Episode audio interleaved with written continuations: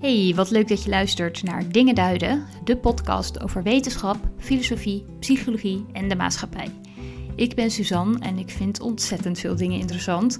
En in deze podcast ga ik daarom in gesprek met experts en ervaringsdeskundigen en soms met mezelf om de wereld en elkaar een beetje beter te begrijpen.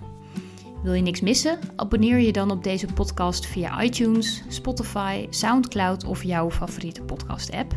En laat een review achter als je dat wilt. Dat helpt mij namelijk enorm om beter zichtbaar te worden.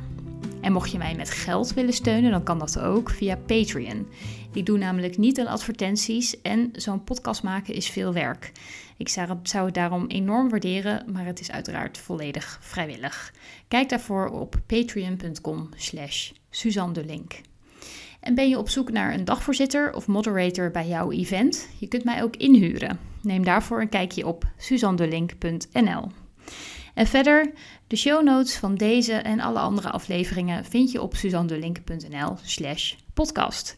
Dan kun je nog even rustig teruglezen wat we hebben besproken. En in deze aflevering praat ik met Marieke Adriaanse. En Marieke is universitair hoofddocent sociale, gezondheids- en organisatiepsychologie aan de Universiteit Utrecht. Ze heeft heel veel onderzoek gedaan op het gebied van voeding, afvallen en gezondheid. En ze is ook co-editor van het boek International Handbook of Self-Control in Health and Well-Being. En zij weet dus erg veel over gedragsverandering en gewoontes. En in deze podcast praat ik dus ook met Marieke over hoe gedragsverandering werkt, hoe het niet werkt, misverstanden, goede voornemens, doelen halen, afvallen en nog veel meer. En de afloop van de podcast had ik het met haar ook nog even over van die 30 dagen challenges. En daar werd ze helemaal gek van. Je hoort het enorm vaak. Maar 30 of 90 of soms zelfs 21 dagen is niet een geheim aantal dagen waardoor je daarna automatisch je gedrag hebt veranderd. Hoe het wel werkt hoor je in de podcast. En dat heeft veel meer te maken met je omgeving, met signalen, met automatismes, met zichtbaarheid. Dus ehm, ja, je gaat erachter komen waarom dus die 30 dagen challenges onzin zijn en waarom je het op een hele andere manier uh, wel kan doen. Dus veel luisterplezier. Nou, welkom Marieke. Superleuk dat je in mijn podcast wil komen. De tijd uh, voor wil nemen. Ja, dankjewel voor de uitnodiging. Ja. Um, ja, voordat we uh, beginnen, zou je heel kort even willen introduceren wie je bent en wat je doet? Ja, ik ben Marieke Adriaanse. Ik ben uh, eh, UAD, universitair hoofddocent uh, aan de Universiteit Utrecht uh, bij de vakgroep Sociale Gezondheid en Organisatiepsychologie. Ja. En daarbinnen zit ik bij gezondheidspsychologie. en ik richt me in mijn onderzoek veel op gedragsverandering, met name op gezondheid, niet alleen. En daarbinnen heb ik weer vooral een focus gehad op eten, omdat ik dat een heel mooi prototypisch zelfregulatiedilemma vind. Gezond eten, het is er altijd. Je moet eten, je kan er niet helemaal mee stoppen. Ja. Uh, dus dat blijft altijd een verleiding. Mm ja, daar doe ik veel onderzoek naar. Uh, hoe kunnen we mensen nou helpen bij het behalen van hun doelen? En dan in de categorie gezonde mensen. Uh, hm. Die graag bijvoorbeeld met overgewicht iets willen afvallen, iets meer bewegen. Dat soort dingen. Maar ook hoe uh, denken mensen na over hun gedrag? Wat zijn de verklaringen die ze zelf hebben? Wat zijn de eigen theorieën die we hebben? Hoe interpreteren we ons gedrag? Dus zit iets meer, uh, daar zit ik iets meer op het fundamentele onderzoek. Uh, en dat probeer ik te combineren. Inzichten ook van de sociale psychologie. en dat dan toepassen op gedragsverandering. met name binnen de context van gezondheid. Ja, precies. Ja, heel interessant. Want voor iedereen is dat uh, denk ik wel een ding. Dat je vaak wel iets van een doel hebt van... Uh, nou, ik wil een paar kilo afvallen of ik wil toch wel wat gezonder eten. En, uh, dus ik denk dat heel veel mensen dat wel... voor dat, heel veel mensen dat wel herkenbaar is. Ja, wel meer dan één doelen zou ik zeggen. Ja. Mensen hebben vaak heel veel verschillende hmm. doelen. We praten er ook heel veel over. Ja. Um, dingen die we graag zouden willen veranderen op allerlei gebieden. Ook uh, op uh, duurzaamheid is nu ja. heel erg een hot topic. en uiteindelijk um, komen heel veel van de, ook als je kijkt naar de grotere maatschappelijke problemen. overgewicht, duurzaamheid, energiegebruik. Um, mensen meer laten bewegen, gezonder eten, stress en burn-out. Het gaat mm. uiteindelijk allemaal toch om gedrag. Ja. Uh, en om gedragsverandering. Uh, dus ja, het is een onderwerp waar je eigenlijk elke dag wel iets over hoort. Ja, precies. En er zijn ook, nou wat mij dan heel erg fascineert is, er zijn duizenden boeken geschreven met allemaal diëten en ook boeken over productiviteit en inderdaad uh, minder stress. Maar hoe kan het dan dat, ja, er zijn wel heel veel adviezen en tips, maar hoe kan het dan dat mensen dat toch keer op keer niet uh, volhouden of dat het niet lukt? Ja, um, ik, ik heb daar natuurlijk ook niet uh, een soort uh, heel zwart-wit antwoord op. Maar nou ja, één ding wat belangrijk is, is om je te realiseren, of wat denk ik goed is om je te realiseren, is dat wanneer je het hebt over wat je zou moeten doen, bijvoorbeeld ook dieet, dan gaat het heel vaak over wat je wel of niet zou mogen eten. Nou, daar kun je ook heel veel discussies over voeren natuurlijk, over wat gezond of niet gezond is. En moet je wel of niet een, uh, een koolhydraatarm dieet of juist een ander type dieet. Mm -hmm. Maar dat gaat nog niet over gedragsverandering. Oh. Dat gaat over Mm. het wat je zou willen. En dan is er nog de vraag, hoe moet je dat doen? Ja, Uh, we hebben bijvoorbeeld ook wel een cursus psychologie van eten voor diëtisten ooit is opgezet, wat wel succesvol was. En dat is waar ik me heel erg op richt. ja, Um, en daar, nou, ook daar zijn heel veel boeken over geschreven. Maar wanneer mensen het hebben over het gedrag wat ze willen veranderen, bijvoorbeeld minder snoepen, Mhm. hebben ze wel heel veel ideeën over wat dan slecht is. Minder suiker of iets anders minder of minder bewerkte producten. Maar hoe we dat dan gaan doen, ja. daar zit denk ik de crux. En dat is ook um, wat je ziet met de voornemens die mensen hebben. Die zijn een heel belangrijk startpunt. Mhm. Um, maar om dat te realiseren moet, moet je uiteindelijk wel naar het, de vraag hoe dan? En welke strategieën ga ik inzetten? En hoe ga ik dat dan realiseren? Ja, en zijn daar ook algemene dingen voor die wel en niet werken? Uh, ja, er zijn zeker wel dingen voor die wel en niet werken. En dat zijn allemaal geen uh, uh, strategieën die 100% bulletproof zijn en waardoor je het altijd gaat halen. Maar zeker Hm. wel strategieën die kunnen helpen. Ja, zowel vanuit wat je zelf zou kunnen doen en hoe je kan nadenken over je gedrag, maar ook over hoe je het makkelijker kan maken om je omgeving in te richten. ja, precies. Zodat je het beter kan volhouden. Ja, ja, want kijk, wat je vaak ziet is dat um, inderdaad mensen wel die goede voornemens hebben. En dat is belangrijk. We zien ook in alle psychologische modellen van gedrag, uh, gedragsverandering, of de meeste, um, wij de sociaal-cognitieve modellen noemen, dan komt er altijd wel iets van motivatie of intentie of doelen als belangrijke voorspeller. En dat is een belangrijke eerste stap. Als jij niet gemotiveerd bent of geen doel hebt, dan gaat er niet zo heel veel gebeuren. Mm -hmm. uh, en om dat te bereiken moet je ten eerste weer informatie hebben. Dus het is ook heel goed dat je weet wat bijvoorbeeld wel of niet gezond is. En dat het handig is om wat vaker de fiets te pakken. Um, en dat uh, te veel uh, snoepen niet gezond is. Ja, dus dat is ook goede informatie ja. hebben, genoeg kennis hebben ja. om, om het te gaan doen.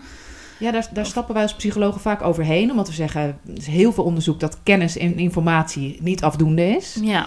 Uh, maar het is wel een voorwaarde voor gedragsverandering. Precies, ja. Dus mensen moeten eerst uh, kennis hebben.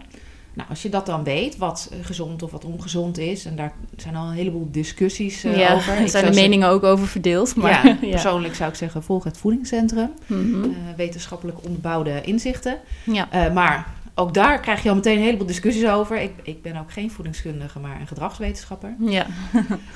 maar ik denk dat we het er allemaal wel over eens zijn dat bijvoorbeeld een chocoladereep uh, nemen als tussendoortje minder gezond is dan een appel. Ja, precies. Um, en als jij dus uh, kunt bijvoorbeeld als voornemen hebben om minder tussendoortjes te nemen, om minder te gaan snoepen, om af te vallen. Um, maar naast motivatie zijn er ook nog andere uh, invloeden op ons gedrag. Dus we moeten kennis hebben. Als we dan kennis hebben, kunnen we gemotiveerd raken. Uh, en als we gemotiveerd zijn, dan is er ook nog, en daar hebben we vaak veel minder aandacht voor, de rol van um, de omgeving. Ja, precies. Dat onderschatten mensen uh, enorm in hoeverre de omgeving een invloed heeft op je gedrag. Dus dat zijn de mensen uh, om je heen, maar ook uh, welke winkels er in de buurt zijn of dat soort dingen. Ja, zowel de fysieke omgeving als de sociale omgeving. Nou, er zijn ja. bijvoorbeeld, ja, als je kijkt naar de afgelopen nou ja, niet jaren, maar decennia, is het uh, de hoeveelheid ongezond voedsel wat beschikbaar is op elk moment van de dag op vrij korte afstand is enorm toegenomen. Ja, precies. Heel veel fastfood uh, restaurants ja. en ze noemen dat ook wel de obesogene omgeving. Ja, precies. Ja. ja. dus het is uh, overal en altijd verkrijgbaar. Ja. Ehm, nou ja, ook op het gebied van beweging. We kunnen overal met de auto naartoe, eh, met eh, de bus, met eh, Ja. openbaar vervoer.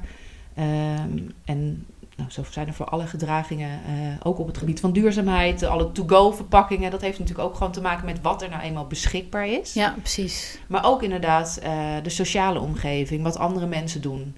Eh, Hm. wat, je, ja, wat je ziet dat anderen doen, dat heeft een invloed op ons gedrag. We, we zien dat vaak wel. En dat andere mensen bepaalde keuzes maken, maar we onderschatten heel erg in hoeverre dat onze keuzes weer beïnvloedt. Ja, Dus het is nou eenmaal de rol van de omgeving. Eh, en zelfs als jij je heel bewust voorneemt, hè, want dat het nou eenmaal overal beschikbaar is, betekent niet dat jij dat ook allemaal moet nemen. Er zijn Nee, ook mensen die ja. succesvol zijn en die zitten in diezelfde omgeving. Die wonen niet in een hutje ergens eh, op de hei. Nee. Ehm, dus het hoeft niet. Eh, dus daar kun je je zeker wel tegen wapenen. Maar er zijn ook heel veel processen die min of meer automatisch ehm, verlopen vanuit die omgeving. Zonder dat je het zelf doorhebt. Ja, zoals inderdaad ehm, de invloed van andere mensen op jouw gedrag, op jouw keuzes.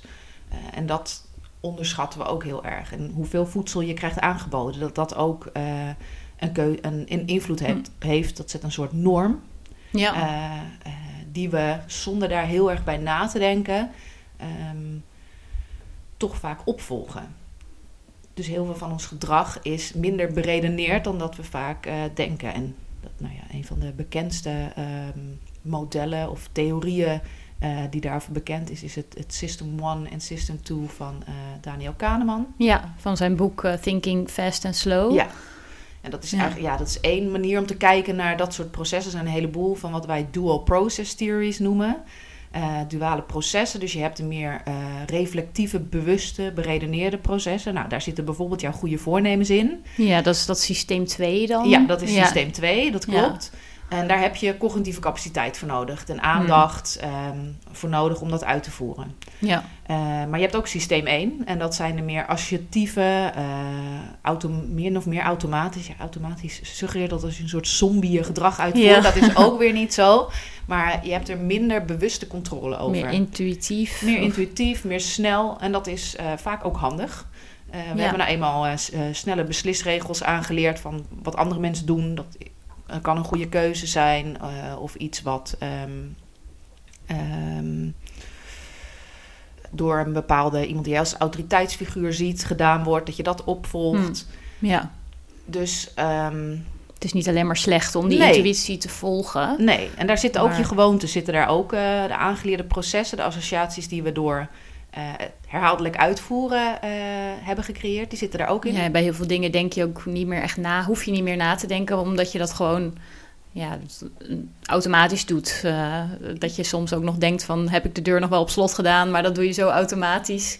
Ja, eh, omdat het gewoon, eh, ja, Ja. het is- je, je doet het elke dag. Dus dat kost geen, geen kracht meer om over na te denken. nee, je hoeft het eh, niet je bewust te herinneren nee, om te precies. doen. Eh, of bijvoorbeeld een voorbeeld dat ik vaak geef is eh, inderdaad de route naar je werk. Ja, Als je dat al heel lang doet, dan eh, kan je wel zijn dat je op je werk zit en denkt, nou, ik kan me niet eens echt herinneren dat ik dit kruispunt gepasseerd Ja. heb. Ehm, ik weet nog toen ik net ging autorijden en dat voor mij een beetje een automatisme werd. eh, dat ik het soms er ook van kon schrikken. Dat ik dacht, hé, hey, ben ik nog wel Hmm, eh, goed genoeg aan het opletten? ja, Ja. Maar dat is dus over het algemeen heel handig. Want als Ja. jij niet dat soort routines zou hebben, dan zou überhaupt hier komen. dan eh, zou je al helemaal eh, uitgeput zijn. ja, ja, dus het is Ja. handig dat we dat systeem hebben. En dat, dat systeem is eigenlijk altijd ingeschakeld. Ja. Ehm, Hmm. eh, en dat meer, dat systeem 2, dat beredeneerde systeem, dat kost meer cognitieve capaciteit. ja. Ehm, en dat kan prima dat soort automatisme overroelen als jij een andere route moest nemen, eh, omdat jij nu naar mij toe komt, dan Ja. dat jij normaal gesproken eh, misschien zou nemen. Ehm, dan kun je dat prima overroelen, maar dat kost wat, wat cognitieve capaciteit. precies. Dat kost ja. aandacht, daar moet je over nadenken. Je moet een plan maken en even weer een nieuwe route uitstippelen. Ja. Nou, en zo zie je dat ook met eh, gedragsverandering. Als jij op een gegeven moment een routine hebt ontwikkeld om ehm, eh, altijd op een bepaald tijdstip een tussendoortje te nemen, ehm, dan eh, wordt het op een gegeven moment kan het een gewoonte worden. Ja. Eh, en die kun je best overroelen, maar dat is moeilijk. ja, precies. En helpt het dan ook dat mensen in je omgeving eh, ook bijvoorbeeld hè, dat je collega's of dat je met elkaar ook gezondere dingen gaat doen? Of is het ook wel dat je los van die sociale omgeving je gedrag kan veranderen? Ja, je kan ook los van de sociale omgeving je gedrag veranderen. Ehm, maar dat, daar heb je wel vaardigheden voor nodig. Dat is eigenlijk het volgende punt dat we vaak over het hoofd zien. Alleen denken van, nou, ik ben gemotiveerd en je moet wilskracht hebben. Ja, discipline, en dan, discipline, en dan hou je het wel vol. Uh, ja, dan hou je het vol. Precies, dat idee. Dat is niet, niet genoeg. Het is wel um, uh, zo dat hoe meer motivatie je hebt, hoe sterker dat systeem 2 uh, is. Um, hmm. En als je meer wilskracht hebt, zien we dat de kans dat jouw beredeneerde systeem uh, dat impulsieve systeem kan overroelen. Dus die, die, die uh, competitie zeg maar wint, dat dat groter is. Ja. Uh, we zien ook dat mensen met wilskracht verschilt van moment tot moment. Hè, en ook tussen personen verschilt dat. en dat, dat, dat is handig. Um, als je dus meer wilskracht hebt, maar het is vaak niet genoeg. Of meestal niet genoeg. Um, omdat het nou eenmaal niet oneindig is, hoeveel wilskracht die we hebben.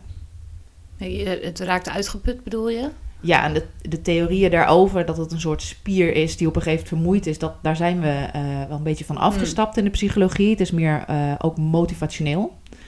Uh, maar ook op dat gebied is het dus, hoe je er ook naar kijkt, is het niet zo dat we een soort oneindige hoeveelheid wilskracht hebben waar we maar vanuit kunnen gaan. Hmm.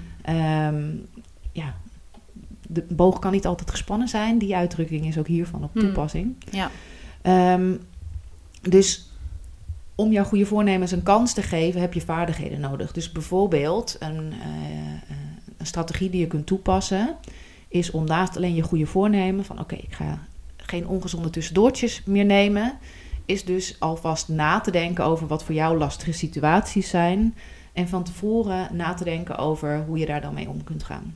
Ja. Dus als ik bijvoorbeeld altijd uh, om vier uur uh, de, gewoon, de gewoonte heb ontwikkeld om uh, even hier langs zo'n automaat te lopen en daar een mars uit te halen. Mm -hmm.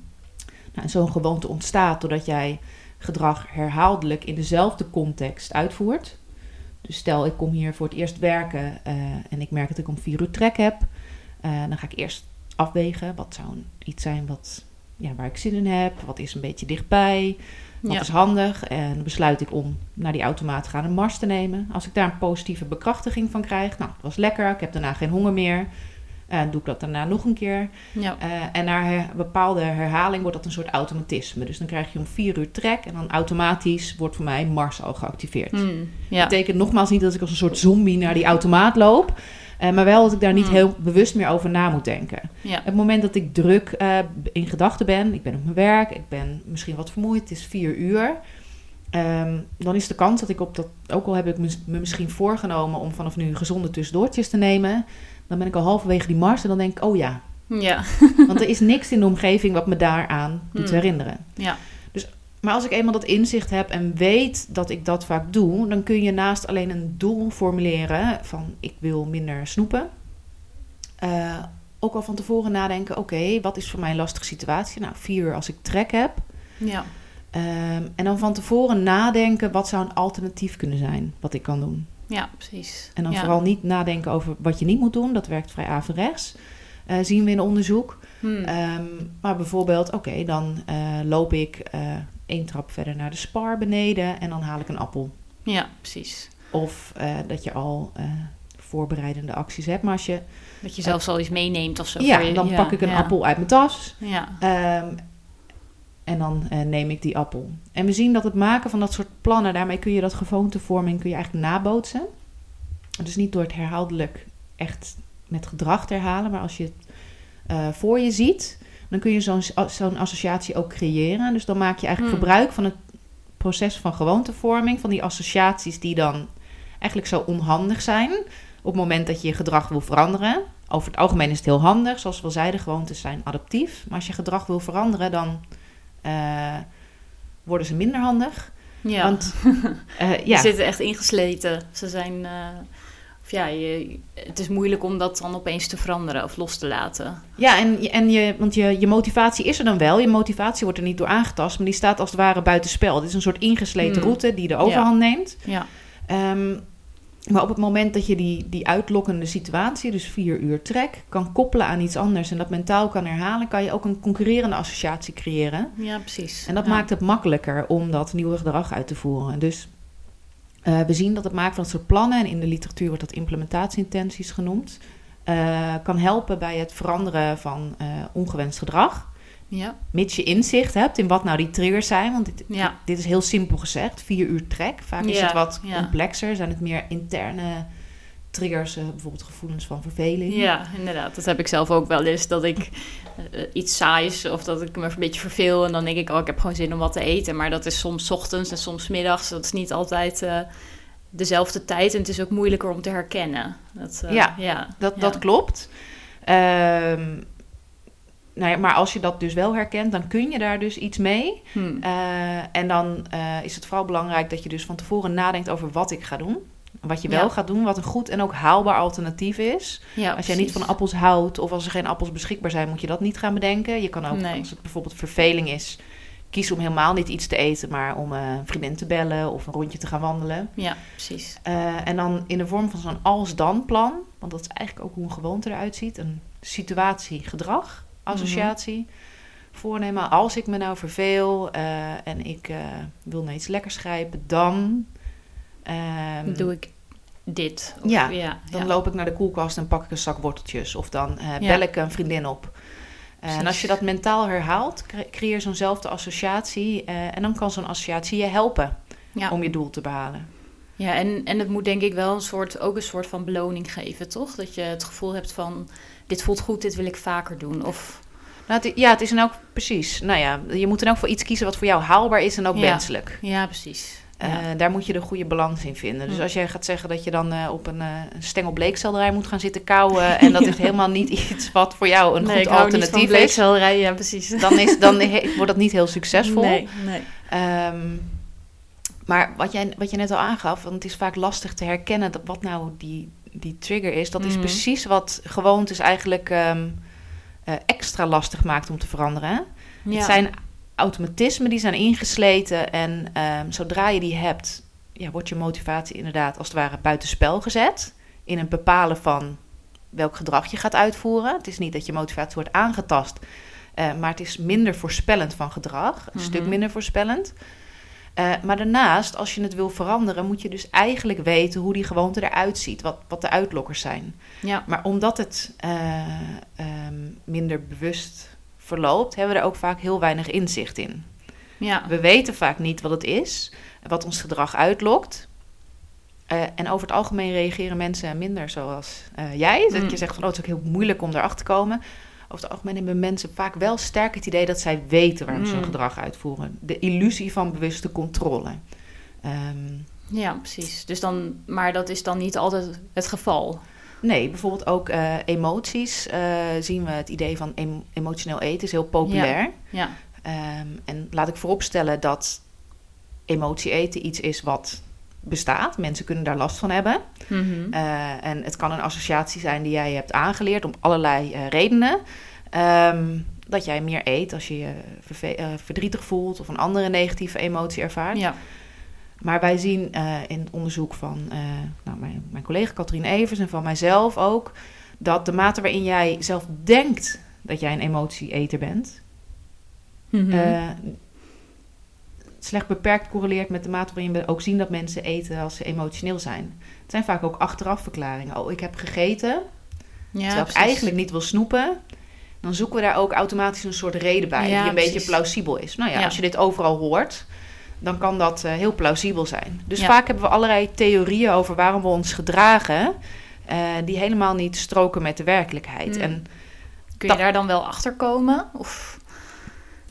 ja, nou, je kunt we- bijvoorbeeld ehm, mensen ook wel voordat ze zo'n plan gingen maken om hun gewoonte te veranderen, zo'n implementatieintentie, een, eh, een week een dagboek meegegeven, waarin ze niet zozeer bezig moesten zijn met opschrijven wat ze aten. Ja, dat, dat moest ook wel. Maar het ging er vooral om om even stil te staan bij wat nou de uitlokker was. Waar waren ze? Met wie waren ze?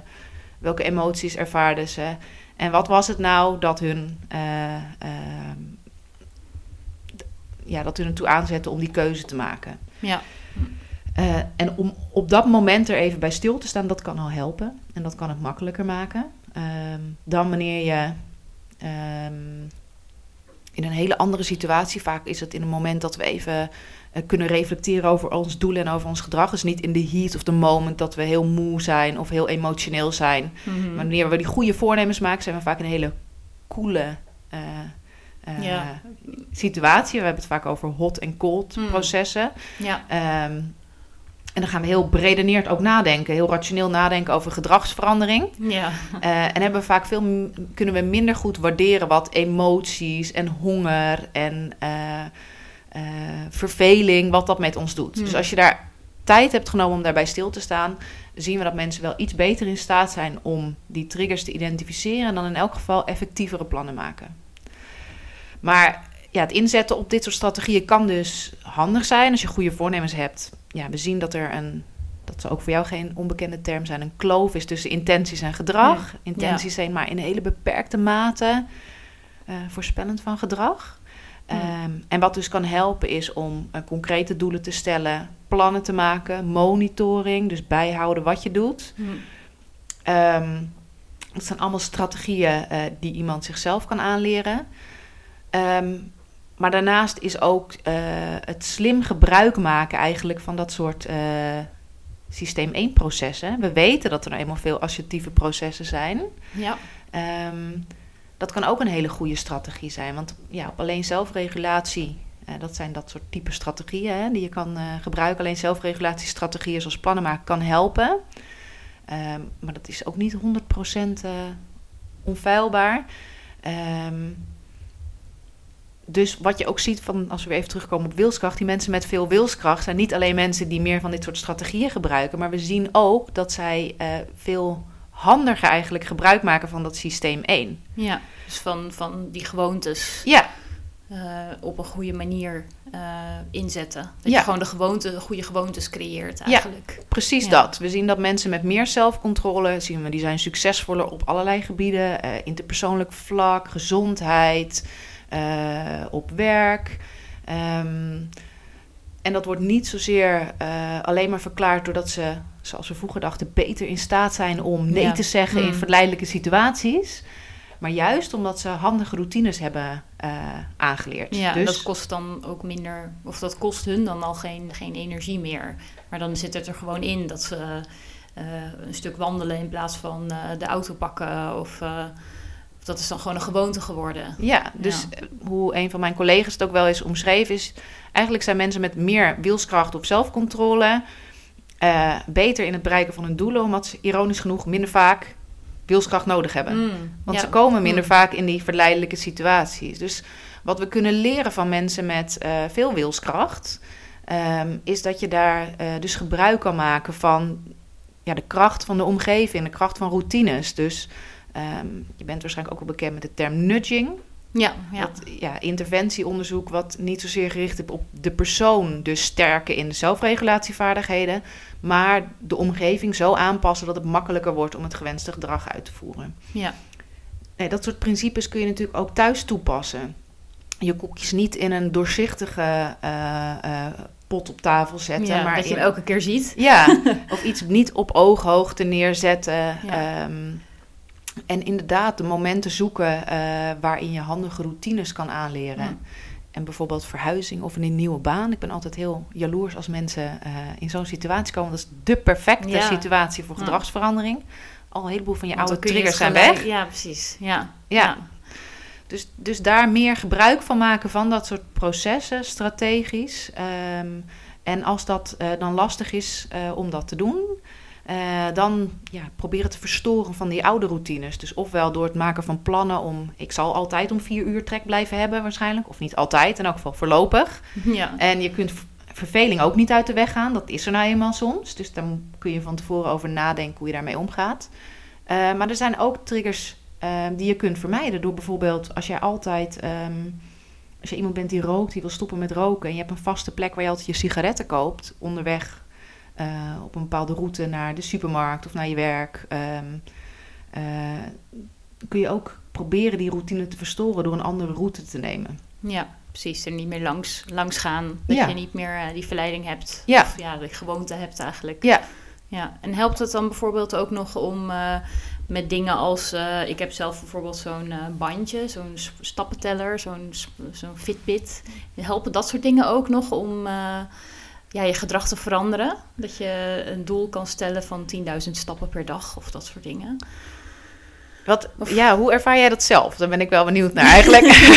Nou, bij mij was het, want ik heb hem nu al een hele tijd, maar vooral in het begin is dat eh, motiverend, want dan wil je dat doel heel graag halen, maar na een paar maanden dan ehm, ja, wordt het al minder. Dan is die trigger al minder en dan maakt het me al wat minder uit als ik mijn doel niet haal. Maar wat ik wel heb, is dat ik hem, eh, ik heb hem ook geconnect met vrienden. Dus ik zie ook van vrienden hoeveel stappen zij op een dag zetten. En dat helpt me wel om ervoor te zorgen dat ik. eh, en je hebt dan ook een weekoverzicht van eh, hoeveel stappen iedereen heeft gezet. ja. Eh, dat helpt me meer. Dus niet zozeer het bandje aan zich, maar meer dat ik die sociale druk dus Ja. wel heb. Ja. ja, en waar ik dus heel benieuwd naar ben, want ik denk dat dit, dit is echt een onderwerp waar we veel meer onderzoek naar moeten doen. Hmm. Er wordt superveel ingezet op wearables, Ja. apps. En er wordt denk ik bijna elke dag wel een nieuwe app ontwikkeld. Ja. Eh, en de connectie met onderzoek naar gedragsverandering eh, is er vaak niet. En als die er wel is, eh, dan wordt het daarna vaak niet meer getest. Van wat doet die, die app of die, die, die Fitbit nou precies? met al dat soort psychologische processen, met gedragsverandering. Want waar Ja. ik bijvoorbeeld heel benieuwd naar zou zijn, is als jij dat ding kwijtraakt of afdoet, of je krijgt een heel mooi nieuw horloge en je wil hem niet meer om. ja. Heb je dan iets gecreëerd wat eh, Hmm, duurzaam en blijvend ja. is? Of is dan die vergelijking weg en heb je iets waar, waar je misschien in het, in het slechtste geval eerst intrinsiek gemotiveerd voor was? Dus vanuit jezelf. eh, is dat weg? Hmm. Eh, en heb je het helemaal gekoppeld aan een soort externe beoordeling en ga je minder goed gedra- eh, Ja, bewegen eh, ja. als dat weg is? Ja, En zou het dan averechts werken? En dan zou je kunnen zeggen, ja, dan moet je dus voor je rest van je leven dit ding blijven dragen. En als jullie allemaal oud en bejaard Ja. zijn, nog kijken hoeveel stappen, eh, stapjes met je rollator zet of zo. Maar Ja. ja, ik weet niet of dat Hmm. realistisch is. En als je kijkt naar ja, heel ander, meer klassiek onderzoek naar cognitieve dissonantie bijvoorbeeld, dan zie je dat als je kinderen gaat betalen voor speelgoed, waar ze in eerste instantie heel gemotiveerd voor waren om mee te spelen, dan maak je dat een soort externe beloning. Hmm. En eh, als je dat weghaalt, dan is hun interne motivatie, hebben ze minder interesse in dat speelgoed. Nou, en waar ik wel Ja. benieuwd naar ben, is hoe dit soort processen nou werken bij eh, dit soort wearables. En ook, ja. ehm, eh, het kan heel motiverend werken. Je kan een doel stellen. Ehm, vaak zit er ook nog een soort beloning aan. Kan je punten krijgen of krijg je smileys of Ja. een, een, een poppetje of een, heb je een score. En wat doet dat met gewoontevorming? Eh, je wil op een gegeven moment dat gedrag onafhankelijk is van die Mm. beloning en een routine Ja. wordt. Ja. Eh, en het zou, er zijn ook best wel aanwijzingen of mensen die zeggen, nou, het zou dat ook best in de weg kunnen zitten. ja, precies. Omdat het dan meer een ja, eh, extern doel is. Of, Ja, of voor mensen die het heel lastig vinden, het geeft je niet zoveel handvaten over hoe je die stappen moet zetten. Het zegt voornamelijk dat je dat moet doen. En het geeft je negatieve feedback als je het niet gedaan hebt, en positieve feedback Mm. als je het wel gedaan hebt. En je kunt dat doel aanpassen. Ja. voor mensen die het bij lange na niet halen, ha- en dat zijn de mensen die we ook willen bereiken graag, eh, doen die dat ding af, kopen die het überhaupt niet. Ja. Ehm, en eh, het zet niet in op strategieën om dat dan te gaan behalen. Het geeft jou niet aan, weet je wat, als jij nou elke keer, eh, bijvoorbeeld in mijn eigen geval, als je de kinderen naar school zou brengen, als je dat lopend doet, Mhm. dat zijn eigenlijk de momenten waar je het van moet hebben. Niet een hele eh, bijzondere situatie die niet zo vaak voorkomt, waar je even heel veel stappen kan zetten. Nee, het zijn die precies. structurele momenten Ja. die je elke dag uitvoert, eh, waar je eigenlijk wil dat mensen op inzetten, zodat Ja. dat een gewoonte wordt. Ja, ja, interessant. Dus ja, ik, ik, ik denk dat dat echt een, een, een, ja, een eh, heel interessant punt is, aanknopingspunt is voor toekomstig onderzoek. Ja, omdat het wel steeds meer komt. Of steeds meer mensen dragen Ja. dat soort bandjes en apps. Eh, eigenlijk het staat standaard op je telefoon, volgens mij tegenwoordig. Dat je je stappen kan tellen en zo. Dat, eh, Ja, en het is ook al, dan heb je stappen tellen, maar het kan voor heel veel eh, dingen. Je kan Ja, je, je je- geld je- bijhouden, hoeveel je uitgeeft, je voeding. eh, je cyclus als vrouw. ja, ja, precies. Dus eh, je kan alles op een gegeven moment meten, ja. tracken. En daarbij vergeten we dan ook dat we. We zijn niet alleen maar geïnteresseerd in genoeg stappen tellen. We willen ook ehm, ehm, gezond eten, maar ook gewoon hebben ook doelen op het gebied van interpersoonlijke relaties. Ze willen ook uh, vrienden hebben en daar tijd aan besteden. Uh, je moeder Ja. af en toe eens bellen of je oma af en toe eens bellen. Ja. Eh, een leuke partner zijn. Af en toe is gewoon even ontspannen. Eh, ja, dat is moeilijk te meten, denk ik, in een, eh, in een app. Ja, en die gaat, dat, Ja. dat focust heel erg op één ding. Alsof dat het enige Hmm. ding is wat ertoe doet. En eh, het enige ding is wat belangrijk is. Ja. Eh, en daarmee eh, geef je denk ik wel de boodschap af dat het dus ook heel erg is als je af en toe eh, niet die stappen haalt. Maar als Ja. je dan op dat moment ehm, een hele gezellige avond hebt gehad met vrienden, Ja, eh, is dat ook heel belangrijk en ook heel waardevol. Ja, ja. Er zijn meerdere dingen in het niet leven. Af te, af te straffen dat je die stappen niet hebt gezet. Eh, Nee, krijg je er toch een negatief gevoel Ja. bij, terwijl het eigenlijk een hele leuke avond was. ja, ja. Hm. ja, dus, dus ja, ik, ik denk dat het een beetje een eenzijdige eh, weergave geeft. Maar goed, dat monitoren weten we dat dat een van de meest effectieve strategieën is. Vaak wel gecombineerd met iets anders. En dat doet het Hmm. dus wel. Dus je krijgt wel inzicht en dat, Ja. dat kan heel erg helpen. Maar Het is meer een eerste stap misschien eh, en niet per se het, eh, ja, het doel om dat altijd om het op die manier vol te houden. Ja, dat, dat moeten we nog meer onderzoeken. Hmm. Maar laat ik eh, het zo zeggen dat als jij eh, tot nu toe niet in staat bent geweest om bijvoorbeeld eh, gewicht te verliezen, terwijl je dat eigenlijk heel graag zou willen en je bent het al heel vaak geprobeerd, dan vraag ik me af of het dragen van een wearable of een app Ja, dat voor je gaat realiseren. ja precies. Ja.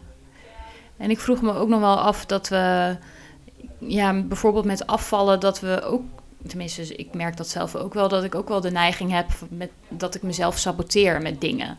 Dus dat ik wel die intentie heb van, nou, ik wil wel graag eh, afvallen of meer sporten, maar dat ik dan toch weer in een situatie zelf dan weer denk, ah, eh, dat ene taartje, dat kan wel. eh, of ah, als ik vandaag niet naar de sportschool ga, hoe kan of is dat bijvoorbeeld, zit dat met korte en lange termijn, zit het daarop of, of werkt dat anders? Ja, dat om daar een eenduidig antwoord op te geven, Is zijn een ook, heleboel eh, ja. aspecten eraan die, die je daar, waar je daarover na kan denken eh, en waar je het over kan hebben. Maar één eh, ding, punt dat we vaak zien, is dat als mensen dat soort voornemen hebben van ik ga vaker sporten, bijvoorbeeld, of ik ga nu minder snoepen, dat het daar ook bij blijft. Dus we denken dan heel, misschien maken we dat doel nog wel specifieker door te zeggen: Oké, ik ga geen, niks meer tussen de maaltijden snoepen, alleen nog maar gezonde, gezonde producten. Of eh, ik ga geen ehm, eh, chocola meer eten of iets anders. Maar de stap maken, en dan, dan kom ik weer terug op die plannen maken, dat je van gaat nadenken en de tijd neemt om te denken: oké, wat zijn eigenlijk de lastige situaties voor mij? En wanneer eh, zou ik in die verleiding komen? En dan van tevoren denken: hoe ga ik daarop reageren? En dat inplannen, die stap maken we vaak niet. En in dat moment, als je dan de beslissing moet maken, dan sta je al met 1-0 achter. Ja, Eh, dus je wil eigenlijk juist gebruik maken van dat soort automatisme. En dat kun je dus nabootsen door van tevoren na te denken en al een strategie in te plannen. En eh, dat werkt natuurlijk niet zo goed als een gewoonte die je al eh, tien jaar uitvoert. Maar we zien wel heel erg dat dat kan helpen. Mm. Dus ook bijvoorbeeld als jij besluit om meer te gaan sporten. Ja, dat Ja. kan je elke dag uitstellen. Dus als je bijvoorbeeld eh, twee keer per week wil gaan sporten, dan kun je dat eh, nou, desnoods nog zondagochtend en zondagavond Ja. doen. En dan heb je dat vanaf maandag steeds voor uitgeschoven. Maar van tevoren nadenken over wat is een goed moment voor mij om dat te doen. ja, Eh, wat moet ik daar voor voorbereiding voor doen? En dat dan inplannen. Dus bijvoorbeeld als het woensdag is en ik kom thuis uit mijn werk, dan doe ik meteen mijn sportschoenen schoenen aan om een rondje te gaan hardlopen. Als dat voor jou een goed en effectief plan zou kunnen zijn, Mhm. het je voorstellen en die situatie koppelen aan dat gedrag en even de tijd nemen om je ook voor te stellen dat je dat gaat doen. En ik weet, dit klinkt heel zweverig, Ja. eh, maar door Ja. mentale simulatie kun je dezelfde type associaties eh, Hmm. creëren. Ehm, wat er dan gebeurt, is niet dat jij inderdaad thuis komt en op een soort automatische piloot een rondje gaat lopen. Ehm, zonder dat je daar helemaal niet bewust van bent, natuurlijk. Maar je bent wel eerder in die situatie. Het werkt zeg maar als een mentale post-it. Wanneer je in die situatie bent, je komt woensdag Hmm. thuis, zal je eerder geneigd om te denken: oh ja, dit is een goed moment. Dus je herkent het als een goed moment om je goede voornemens te gaan uitvoeren. Eh, en er, er is een associatie ontstaan tussen het gedrag, mijn schoenen aandoen en die situatie. Waardoor eh, eh, het meer geactiveerd wordt en je een grotere kans hebt dat je het gedrag ook gaat uitvoeren. Ja, Dus heel erg eh, vergelijkbaar met die eh, gewoontes. ja precies. Dus dat is, dat is één ding. Ehm, en daarnaast zien we ook dat mensen. ehm, misschien heeft het ook wat te maken met onze preoccupatie met wilskracht en motivatie. Dat we bijna een excuus moeten hebben om af en toe even los te laten.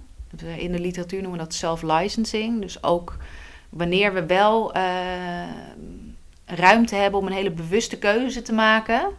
Eh, en een beredeneerde keuze te maken. Dus in dat systeem 2 processen geactiveerd zijn. Dan zien we ook dat mensen dat systeem 2 ook gebruiken om maar na te denken over wat een mogelijk excuus kan zijn.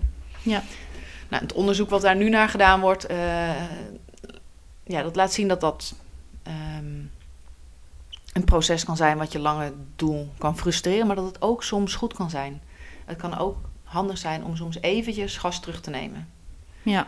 Eh, maar ja, Ook Dat- om, ja, je kan niet altijd Nee. eh, de, de boog gespannen hebben, wat Nee. je zei. Ja. Nee, dus ehm, ja, dat, dat kan ook handig zijn. En wanneer dat dan zo is en wie dat zo toepast, daar, daar weten we nog niet zoveel van. Maar er zit denk ik wel een verschil tussen het beredeneerd die, die keuze maken, wat soms ook niet handig kan zijn eh, en soms juist wel, om eventjes een, een moment te hebben dat je denkt, oké, nu is het even een moment dat ik mezelf toesta.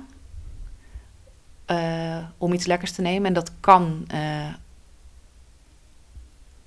ook helpen om van dat soort eh, zero tolerance eh gedachten een beetje af te Mm. komen. Dat het altijd maar Alles dat als je één keer een ja. taartje hebt gegeten of een stukje chocolade dat verpest is, want dat, dat is natuurlijk niet zo. Ehm, maar wat er vaak gebeurt, is dat je inderdaad juist weinig cognitieve capaciteit hebt. Niet van tevoren hebt nagedacht over hoe je het gaat doen. En dan inderdaad vertrouwt op pure wilskracht in zo'n situatie dat je thuis komt eh, en dat je dan denkt, nou morgen kan ook wel. Mhm. ja. Ja, en dan zijn, eh, eh, is onze wilskracht vaak niet opgewassen tegen alle eh, automatismen en routines die we hebben en vermoeidheid. Ja. Ehm, Hm. En dan moet je dus meer strategisch gebruik maken van dat soort processen. Ja, precies.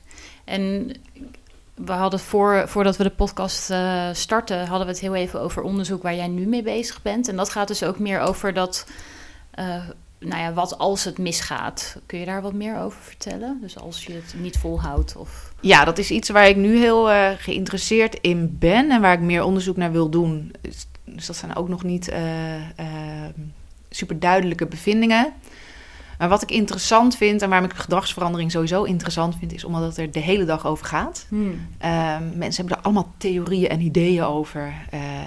Ook dingen die helemaal niet effectief zijn, of juist weer wel. We kunnen ook leren van mensen die er wel goed in zijn. Ehm, en waarom is het ook zo'n gesprek, waar, iets waar we het vaak over hebben? Omdat het moeilijk is. Ja, Omdat het vaak fout gaat. Als het iets is wat heel makkelijk is om je gewoontes te veranderen, dan is het niet zo'n interessant topic. Eh. Het is moeilijk, dus we vragen om tips. Eh, eh, we hebben het er met elkaar over. Ehm, we hebben moeite om genoeg te bewegen, om gezond te eten. Ehm, maar dat betekent ook dat als jij realistisch kijkt naar ons dagelijks leven, dat falen en bij gebrek aan een beter, minder heftig woord, nou eenmaal voortkomt. ja. ja het is niet echt falen. Of Nee. Tenminste, als je één keer een stuk chocola eet, ben je, is het niet gelijk mislukt of zo. Dat, Nee, nee, dat, Nee. Is, dat is niet zo. Ehm, als jij eh, inderdaad aan het eind van het jaar eh, drie kilo eh, lichter wil zijn en ehm, jij eet eh, nu eh, een hele reep chocola op, dan zie je dat niet aan het eind van het jaar op de weegschaal. Als dat Nee, het enige moment is. precies. Ja. Ehm, maar wat we zien is dat eh, we vaak te rigide zijn in onze ideeën over onze doelen. En er dus weinig ruimte is voor een keer een moment van, ehm, nou ja, dan toch maar om het falen te noemen, dat je wel chocola eet, dan is het niet helemaal verloren. En wat ik interessant vind is om te kijken naar mensen die daar meer ehm, ja, effectiever, adaptiever mee om kunnen gaan. En dat als een Mhm. moment kunnen zien. En daarna de draad weer oppakken. En mensen Ja. die dat eh, zien als een signaal dat ze het toch niet kunnen. Hmm. Dus eh, wat ik En wat daar dan zie- het verschil in is. ja, we zien bijvoorbeeld dat mensen die het heel erg aan zichzelf eh, koppelen en die dus negeren dat de omgeving ook een rol speelt, vaak de neiging om te denken: van, oké, ik heb te weinig wilskracht of dit, ik, ik, ik heb niet de, de vaardigheden, ik kan dit niet. Mhm. En dat het volgende moment van falen, en, en dat is wat e- eerste bevindingen die we hebben, eh, dat dat er sneller op volgt. Ehm, En dat mensen die wat meer geneigd zijn om het eh, bijvoorbeeld aan de omgeving ook eh, te koppelen. Eh, die zien, oké, dat was ook een aparte situatie. Ik had er ook niet van tevoren over nagedacht. Of eh, eh, ik was op een verjaardag en mijn oma had speciaal voor mij die taart gebakken. Mhm. Dan kan ik ook niet zo goed nee zeggen. Ehm, dat voor hun dat bij een incident blijft en het niet zo snel als een soort sneeuwbaleffect doorrolt naar ehm, volgend falen. Ja, precies. Dus welke strategieën je juist daar ook in kan zetten en hoe je kan communiceren dat het ja, falen eenmaal onvermijdelijk is, dat het af en toe gebeurt, dat het ook op zichzelf staan niet zo erg is. Nee, je mag ook best wel af en toe eh, een stuk taart eten. Ja. Dat, is ook, dat zegt het voedingscentrum volgens mij Ja. ook, dat dat Ja. ook wel mag. Maar als het maar niet een routine is, dat je dat elke dag doet. Of eh, ja, te Ja. veel. Ja. Ja, alleen het, het lastig hierbij is, de paradox is dat als je dit gaat zeggen, dat je dan dus ook krijgt dat dit een soort eh, bewust proces dat mensen overal excuses, ja, maar het is ook Ja. goed en af en toe. En nu is het ook niet een goed moment. dus je kan het ook gebruiken om jezelf te saboteren. Mm, Maar voor die situatie waarin we dat niet doen en wanneer we geconfronteerd worden met gedrag wat niet in lijn is met ons doel, eh, is het heel interessant om te kijken naar de attributies die mensen maken. Dus dat is eigenlijk de verklaringen die we hebben voor ons gedrag. Of we dat bij onszelf leggen of bij de omgeving, Mm. aan je emoties koppelen of aan je wilskracht koppelen. En hoe dat ehm, gedrag in een volgende situatie eh, verklaart. Dus Ja. eigenlijk, hè, jij komt hier eh, voor een interview en we hebben nu een kopje koffie gedronken. Maar ik had je ook iets lekkers daarbij kunnen aanbieden, terwijl je misschien hebt voorgenomen om dat eh, niet te doen. Ja, daar heb je waarschijnlijk niet eh, op voorbereid. Dat is dan lastig om nee te zeggen. Hoe zorg je er nou voor dat als je ja hebt gezegd, in het geval dat je Mhm. eh, Ja. eventueel, heel misschien, je had voorgenomen om niet te snoepen of minder te snoepen. Hoe zorg je er nou voor dat je dat niet meeneemt naar een volgende situatie en dat je straks langs een Ja, kraampjes hier dag, buiten komt Ja. en dan ja, een gevoel van, oh, ik, ik kan me niet wapenen tegen verleidingen, dat je dat meeneemt. Hmm. Dus ik, ik- een meer realistische benadering en een iets meer relaxtere benadering ja. ehm, is denk ik heel belangrijk. Hmm. En daar valt ook nog veel winst te behalen. Hoe gaan we nou om eh, ja, met dat soort situaties? Ja. ja. En daar eh, gaan jullie nog meer onderzoek, of wil jij Ja, meer daar, heb onderzoek, ik, eh, daar ben ik nu mee bezig. Ik probeer er ook wat meer geld voor te krijgen om daar wat, wat groter project van te maken. Ja. Ehm, eh, ja, om een meer realistische benadering op zelfregulatie. We zijn heel erg gefocust op, oké, identificeren van wat zijn lastige situaties, zoals ik al zei. Wat voor plan kan je er maken? En dat, zijn de, dat is handig voor de terugkerende situaties die je vaak tegenkomt ja. eh, en die je wil veranderen. Eh, maar daarnaast zijn er ook gewoon de incidenten. Ja. ja. ja, die zijn er ook heel veel eigenlijk, Ja. eh, uitzonderingen. Ja. En daar relaxed mee omgaan ook. eh, eh, en dat je in elk geval niet opgeeft, dat is ook, denk ik, heel belangrijk. Ja, precies. Ja, interessant. Kunnen we dat ook ergens vinden, dat we die, die onderzoeksbevindingen, of komt dat, komt dat ergens? Ja, dat is iets waar ik ben daar nu een heel eh, een groot artikel over aan het schrijven. En daar ben ik nu mee bezig. De wetenschap gaat natuurlijk wat dat betreft vrij traag tot het iets Mm. gepubliceerd is. Ehm, ik presenteer daar wel af en toe al wat over op congressen. Ehm, ik ben niet heel actief op social Nee. media. dat ga ik ook niet doen. Dat is een van mijn betere routines, denk ik. Om ook nog eh, een wel. beetje... eh, ja. Dus eh, ik heb geen Twitter, geen Instagram Nee. of wat het dan ook is wat je nu allemaal kan doen, waar mensen dat kunnen volgen. Ik heb een Google Scholar pagina ja, waar mijn wetenschappelijke publicaties op staan. ik wou zeggen, Eh, en anders moeten we misschien over een, een paar jaar weer eens eh podcast om te kijken wat dan de, de Ja. bevindingen zijn. ja, en ik probeer met regelmaat wel. eh, ik heb laatst een interview gegeven voor de Linda.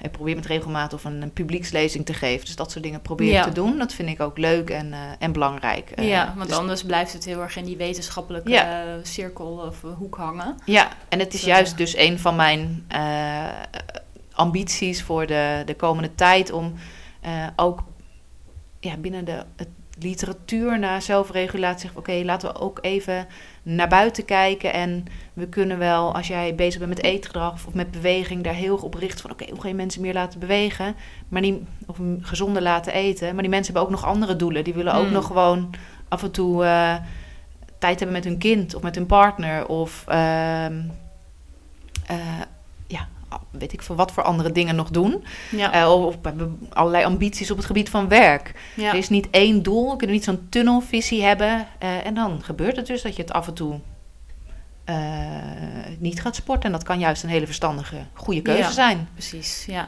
Ja. Ja, ik heb zelf ook laatst een boek gelezen over slaap. Dat slaap ook heel erg onderschat wordt. En dat hij ook in dat boek zegt, dat is Matthew Walker. hij zegt in dat boek van ja, je kunt soms gewoon beter kiezen om eerder naar bed te gaan dan dat je gaat sporten nog. Terwijl heel veel mensen denken, oh, ik moet wel sporten. Maar Ja. terwijl sla- slaap nog belangrijker is voor herstel en je hersenen en alles. Dus het is ook nuance en het is niet zo zwart-wit van je moet zoveel sporten, want dat is goed voor je. Maar misschien heb je wel een slaaptekort en kun je beter op tijd naar bed gaan, bijvoorbeeld. Ja, ja, ja, Ja, sowieso dat, eh, herstel eh, is heel erg belangrijk. En ook, Ook voor je, voor je wilskracht weer natuurlijk. ja, En, voor, eh, ja, en het, effect van te weinig slaap is enorm. En ja. wat interessant, wat ik ook interessant vind aan slaap, is dat op tijd naar bed gaan is ook een zelfcontrole dilemma. ja, We- ja. Daar heeft Floor Kroes, een collega van mij, veel onderzoek naar gedaan. Eh, waarin ze laat zien dat dat een bepaald type uitstelgedrag is. ja. Eh, dat is ook zo bijzonder. Dus, ja, dat, dat ja. heel veel mensen ook herkennen. ehm, ze nemen zich elke dag weer voor, vandaag ga ik op tijd naar bed. En vaak zien we uitstelgedrag zien we eigenlijk als iets onprettigs. Wat je moet doen, maar wat goed is voor een lange termijn doel. Dus bijvoorbeeld een saaie opdracht voor je studie of iets voor je werk. Eh, of iets van de administratie die je moet doen. En dat uitstellen. Het is wel belangrijk, maar je hebt er op dat moment geen zin in. Mhm. En slaap is eigenlijk anders. Want de meeste mensen vinden slaap vrij prettig. Ja, Eh, en toch... en dan- toch ja. eh, hebben we op dat moment de neiging om dan nog even in een serie te blijven Ja. hangen en niet op tijd naar bed gaan. En 's ochtends is het weer moeilijk om uit bed te komen. Dus ja, dat- ja. en daar hebben mensen, daar zit vaak veel meer externe druk achter. Hè. Je moet op school zijn, je moet op je werk zijn. Ja. dus ja. Dat lukt dan wel, maar Ja. dan s'avonds op tijd naar bed gaan is... eh, dat moet je zelf doen. ja, het is ook Ja. een van, die, eh, eh, van de doelen dat als we mensen dat vragen van... oké, ben je hier bewust mee bezig? Probeer je dit? Waarvan een heel groot percentage, ik kan even uit mijn hoofd niet zeggen wat exacte percentages... maar meer dan de helft van de mensen in het onderzoek wat ik heb gedaan... zegt ja, dat vind ik heel belangrijk en dat wil ik doen. Maar waar ook het overgrote deel van zegt... dat ze daar regelmatig, Hmm. bijna elke dag op falen. Ja, Ja, en ook hier kunnen dus van tevoren nadenken over... ja, eh, wat is het dan en ja hoe... wat triggert dat? Ja. ja. Hoe ga ik dat dan, eh, als je altijd op je telefoon blijft hangen, dat je misschien alvast in elk geval in bed gaat liggen en dan op je telefoon kijkt? Ik ben geen slaaponderzoeker en dat is ook allemaal weer heel slecht voor je slaap op je telefoon kijken. Eh ja. En ook van tevoren nadenken hoe kan je een wat is beter... het nou? eh, ja. en, en wat zijn voor mij nou de verleidingen eigenlijk in die situatie? Is dat Netflix die automatisch doorgaat naar de volgende aflevering of eh, iets anders? Ja. En eh, hoe bereid ik me daarop voor? Ja, precies. Hm. Ja, interessant. En ben je zelf ook, ook veel bezig met je gewoontes? Omdat je er natuurlijk in je werk continu mee bezig bent. Ben je er zelf dan ook heel bewust mee bezig in je dagelijks leven? Nou, ik denk dat ik er vrij redelijk relaxed bezig ben met Hmm. gezondheid. Ja, Eh, ik, heb- ja. Eh, maar wa- wat ik wel, eh, wel met de kracht van routines. Ik heb drie jonge kinderen. Ik heb twee dochters van zes en nog een dochtertje van drie. Mhm. En ik werk vier dagen, vier en een halve dag per week. Mijn partner werkt ook. ja. Dus ehm, wat ik wel zie is dat je vaak heel druk bent.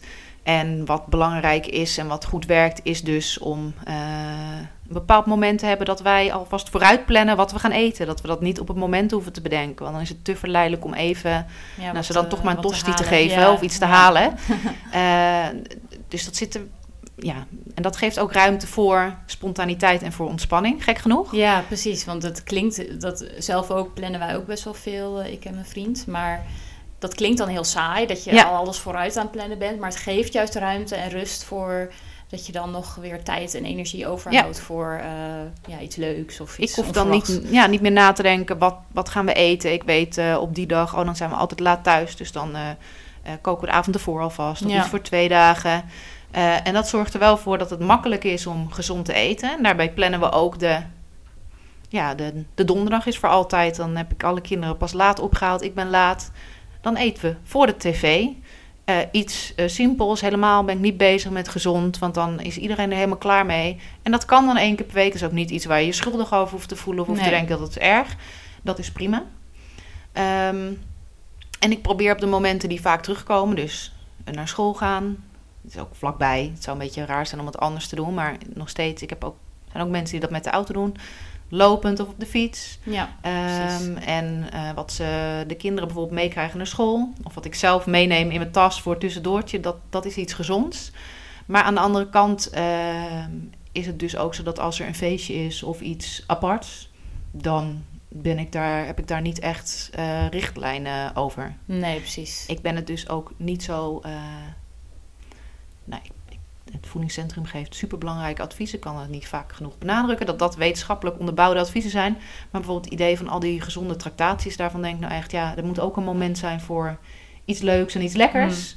Ehm, Het is ook juist wel goed. Dan hou je ook wel Ja. een goede relatie met voeding. Anders Ja. wordt het zo eh, obsessief. eh, ja, dat het altijd eh, gezond moet zijn. ja, en daarvan denk en ik, dan heb je weer misschien Ja. eerder het gevoel dat je hebt gefaald als het dus niet lukt. ja, je kan niet zeggen van eh, eh, je moet erop letten. kan niet altijd. Er moet Hmm. ook ruimte zijn wel. En waarom een feestje, dat is het Ja, Dat is het juist moment. wel. Ja, en en dat zien we ook wel dat een van de eh, redenen is waar mensen problemen hebben met ja, gezonde ja, ehm, bewegen, gezond eten.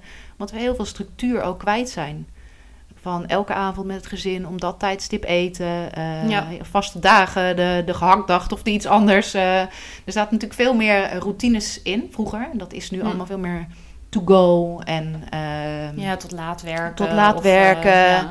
Ehm, door veranderende dynamiek in het gezin ook. Dus ik denk juist, ja, die structuur en dat je dus, maar daar hoort dus ook bij dat een feestje dat er wel iets lekkers mag zijn. Ja, misschien link je het dan ook nog wel weer waar jij het over had aan de sociale omgeving, aan de situatie in plaats van aan jezelf. Dat Ja. helpt misschien juist wel. Ja, om- dat zou, ja, Nou ja, dat zou, dat zou goed kunnen. Maar ja. Ja.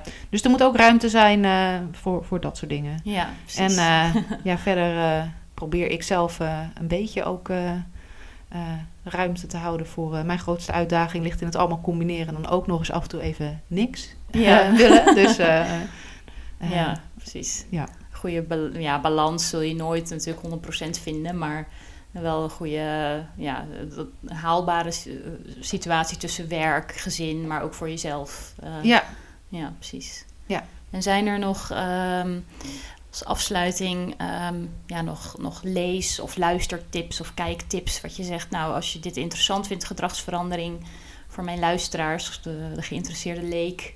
Dan, eh, nou, misschien is dat een leuk boek of, een, of iets anders. Heb je daar nog ideeën bij? Jeetje, daar, heb ik, dat, daar eh, heb ik niet van zit jij tevoren, Te veel in de, daar heb ik van tevoren niet zo erg over nagedacht. Zelf heb ik in ieder geval een boek gelezen dat heet Atomic Habits. Eh, in het Nederlands is dat volgens mij eh, nou ja, in ieder geval hele kleine gewoontes.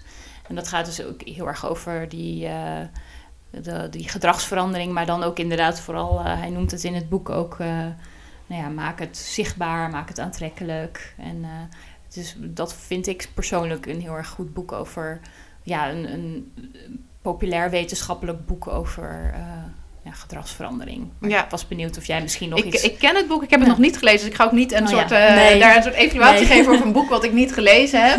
Ik weet, eh, er is een, eh, een Amerikaanse wetenschapster die heel veel doet op het gebied van gewoontes, Wendy Wood. Zij heeft recentelijk een boek uitgebracht.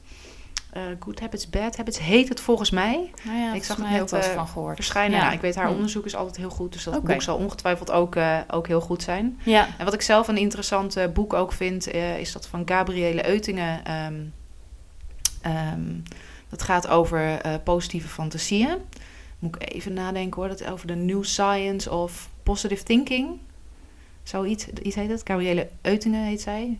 Ja. Eutingen schrijf je het. ik zal het wel even opzoeken. Eh, waarin zij ook ingaat op dat eh, idee eh, dat ehm, positieve fantasieën, dat je altijd overal maar positief over moet nadenken, dat dat heel erg helpt. Nou ja, wat, wat zij laat zien is alleen maar fantaseren helpt helemaal niet. Hm. Eh, het is handig om te denken waar je naartoe wil, maar blijven leven in die fantasie, dan heb je het gevoel dat je iets al behaald hebt. Je ervaart Mm. geen urgentie meer.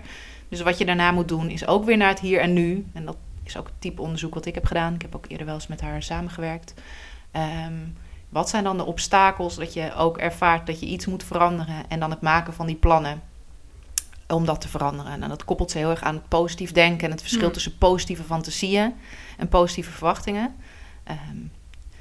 Dus dat, dat is nog iets eh, wat Ja, eh, mogelijk nog een, eh, een interessante leestip is. Ja, ik zal het ook eens opzoeken. Ik, kan het, ik heb altijd show notes bij de eh, podcast. Dus dan kan ik nog even de Ja. titel eh, erbij eh, zetten. En waarschijnlijk, Ja. bedenk ik, nog een heleboel boeken als wij hiermee klaar zijn, die Ja, eventueel je mag ze interessant altijd, kunnen zijn. Je mag Dus ze dat- altijd sturen nog.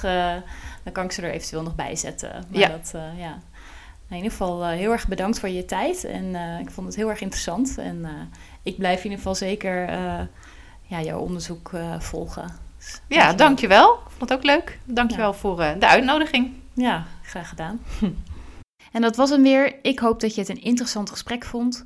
Wat ik vooral meeneem is dat het boek Atomic Habits, waar we het ook over hebben in de podcast, in ieder geval een hele goede leidraad is om gedragsverandering toe te gaan passen. Dat boek geeft heel veel praktische tips waar ja, Marieke het ook over heeft. Dus dat eh, vind ik sowieso echt een aanrader. En ook de andere boeken die Marieke noemt, die zal ik in de show notes zetten. Sowieso vind je alle show notes, ook van alle andere afleveringen, op suzandulling.nl slash podcast. En vergeet je vooral niet te abonneren op deze podcast via Spotify, iTunes of jouw favoriete podcast app. En als je het een toffe aflevering vond, laat dan vooral een review achter. In ieder geval ontzettend bedankt voor het luisteren en tot de volgende keer. Doei!